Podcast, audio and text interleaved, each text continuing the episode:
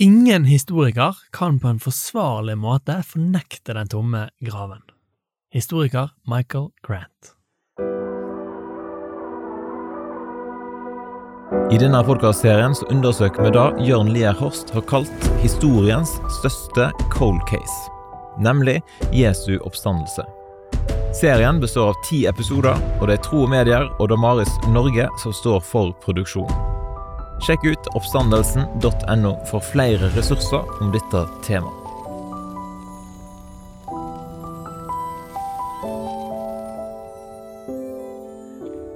Da har vi kommet til fakta at eh, Jesu grav var tom, men eh, du skriver i oppgaven din, Tor, at eh, dette er da fakta som er minst anerkjent blant forskere og historikere. Hva ligger det i da, Tor?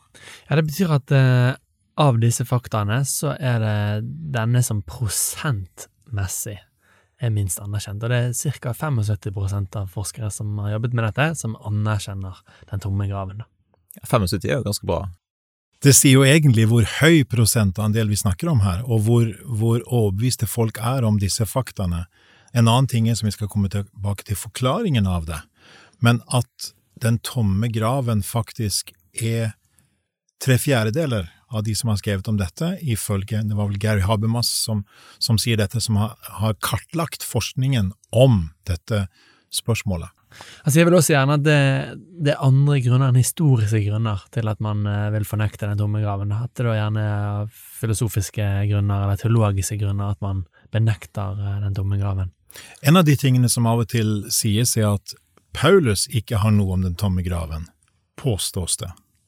Men hvis det står i ett ledd at Jesus døde og ble begravet, og i neste ledd at han sto opp og viste seg, som vi kommer tilbake til eh, i, i 1. Korinterbrev 15, så hva ligger mellom begravet og viste seg? Da er det selvfølgelig en grav som har blitt tom, slik at, at selv om det ikke sies rett ut, eksplisitt, med klare ord, så sies det indirekte. Hva argument eh, vil du si taler for den tomme grava, da, Tor? Ja, det er, Først er jo at reaksjonen til de jødiske lederne er at disiplene har stjålet Jesus sitt lik. Noe som nettopp innebærer en tom grav. da. Man prøver å forklare hvorfor graven er tom. Man diskuterer ikke om graven er tom, men det prøves å legge en forklaring på hvorfor den er tom, og det er at disiplene har stjålet Jesus sitt lik. da. Så det er jo en innrømmelse eh, av den tomme graven. Og så forkynnes det i samme by som Jesus ligger gravlagt i, at han har stått opp igjen. Og det ville være ganske vrient hvis liket fortsatt lå i graven. For da kunne jo hvem som helst, når som helst, enten ha vist til graven, eller vist fram liket. Og den type forkynnelse til disiplene ville da bli håndt og falle i grus, da. Og den siste grunnen er jo kanskje den som er litt artig, da, det er at det er damer som finner kraven tom. Ja, hvorfor er det spesielt? Nei, Da tenker vi i det 21. århundre at ja, det kan jo stemme, damer er jo gjerne litt mer observante enn menn. det, det kjenner vi de- til noen venner, Ja. at det kan være sant, ja. Ja, så hvis de var sjekket at graven var tom, ja, nei, men da kan man jo være ganske trygg på det, da. Men, men det er ikke det som, som gjør at dette er et godt argument. Det er faktisk sånn at um, damer sitt vitnesbyrd på denne tiden ble ofte bare eh, sett bort ifra.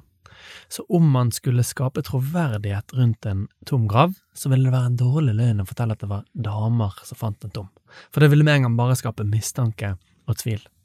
Og faktisk så um, ser man at den greske filosofen Kelsus, han argumenterer mot den kristne tro, nettopp med å gjøre narr av en tro der de primære vitnene er det som han kaller for halvgale kvinner. Så det er bra at tidene har forandret seg, da. Men det er eneste grunnen til at man på en måte tar med denne som ble oppfattet på denne tiden som litt pinlige detaljen, at det var damer som fant den tom, det var at man så seg forpliktet til å fortelle det sånn som det var, da. Det var faktisk damene som var de første vitnene. Men hva andre alternative forklaringer finnes det, da, og, og hvordan kan man respondere på dem? Ja, altså si hvis man, eh, hvis man kun hadde disse to faktaene her, da, at Jesus var død og graven var tom, så har man jo veldig mange eh, ganske naturlige, forståelige forklaringer, da. Og det, i serien så spurte vi jo litt folk på en gravplass gikk, gikk forbi. Hva ville du ha tenkt hvis en du kjente var gravlagt, og så plutselig er det liket forsvunnet? Og da fikk vi veldig mange artige svar. Sånn at noen kan ha stjålet liket, man kan ha glemt hvor man la den. Eh, kanskje det var Ja, det var veldig mye artige forklaringer. Og gjort en feil, altså begravelsesbyrået Ja, ja, stemmer. Mm. Ja. Så der har man, sånn, har man kun de to faktaene, så må man jo hoppe ganske langt for å kunne si at ja, det var fordi han oppsto. Du skriver i oppgaven din om at uh, noen mener at Jesus allerede hadde råtna og derfor var ugjenkjennelig. Ja, det, det Man vet jo altså det seneste tidspunktet som disiplet begynte å forkynne om Jesu oppstandelse, er 50 dager etter hans død, da, på pinsedag. da. Sannsynligvis så eh, har de jo forsynt om dette tidligere også, i hvert fall snakket seg imellom om det de har opplevd og sånn, og sannsynligvis ville jo det ordet gå videre til de jødiske lederne og sånn. Så, så eh, at ordet om oppstandelsen ganske tidlig har sirkulert rundt i Jerusalem, det kan man være ganske trygg på, da. Men si det seneste tidspunktet vil være etter 50 dager, da. Da har man gjort eh, diverse undersøkelser som viser at uavhengig av om det er tørt eller kaldt, varmt eller vått, så ville Jesus sitt lik være gjenkjennelig etter 50 dager, da. Så om man hadde vist fram liket, og dette kan man lese mye grundigere i avhandlingen, så ville man i hvert fall ha et lik å vise fram, og man ville også ha gjenkjent Jesus sin, eh, sin eh, kroppsbygning og sårene og sånn, da. Så Jesus ville være gjenkjennbar også etter 50 dager, da. Stemmer det at du googla litt eh, om døde kropper og sånn når du skrev om denne oppgaven din? Ja, det, det, det er helt riktig at uh, dette var nok eh, den ekleste delen av hele prosessen. Det var å finne ut hvor lang tid tar det egentlig før et uh, lik ikke er gjenkjennbart, da. Og det var faktisk sånn at eh, det kom opp noen sinnssyke bilder på Google når jeg søkte på det her, da. Og jeg hadde altså mareritt på natten om det lik.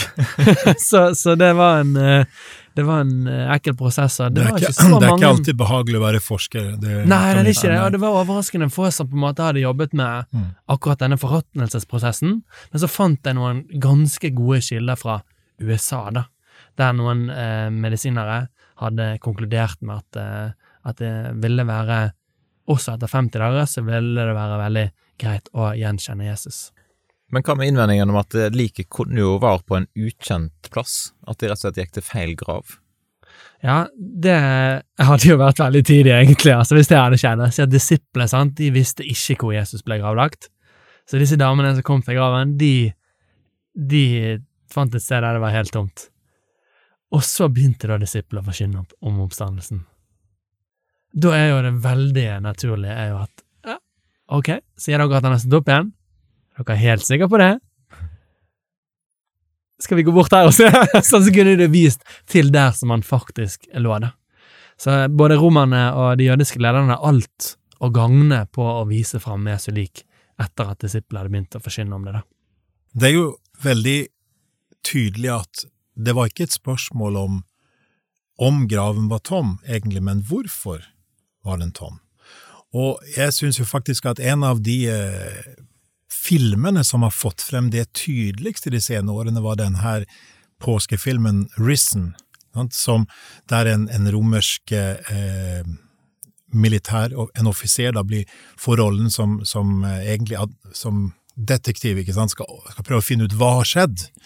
Og da er det selvfølge at han går ikke til graven, altså, fordi den, er- den er tom. Og det ville vært den enkleste måten å få dø på den nye Jesus-sekten, så å si. Den nye religionen, den nye troen her, sant? Den, den som har prøvd å, å knuse gjennom å arrestere, torturere og drepe Jesus. Enkleste ville jo vært å bare vise her er han. Mm. Men de hadde ikke det å vise frem. Verken de jødiske lederne eller romerne som selvfølgelig hadde kontrollen. Så det er jo et veldig tydelig tegn på at Jesu grav var faktisk tom. Spørsmålet var hvorfor. I oppgaven ditt så skriver du om at eh, søndagen at da ble en ny helligdag for de kristne. At det da er vesentlig. Ja, det er også et av, eh, en av grunnene til at man eh, Eller en av argumentene for den tomme graven, da. Og det er sånn at for jødene så er jo sabbaten en av de tre store tingene som skiller de fra andre folkeslag, da. Så det å endre noe så fundamentalt som gudstjenestedag fra lørdag til søndag, det krever noe veldig spesielt som hendte den dagen, da. Og det ser ut til å nettopp være det, at graven ble funnet tom den dagen. Det var den dagen han sto opp igjen.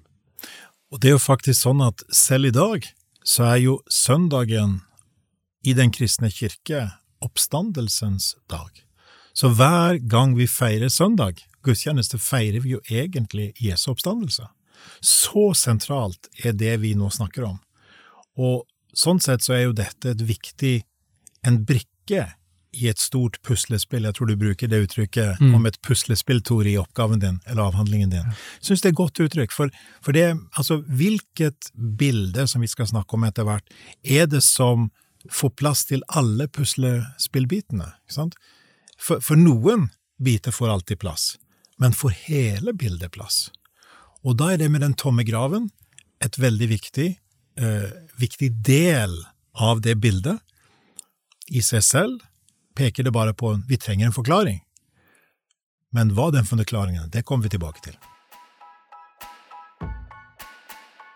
Og I neste episode så skal vi se nærmere på da at mange opplevde å møte Jesus igjen.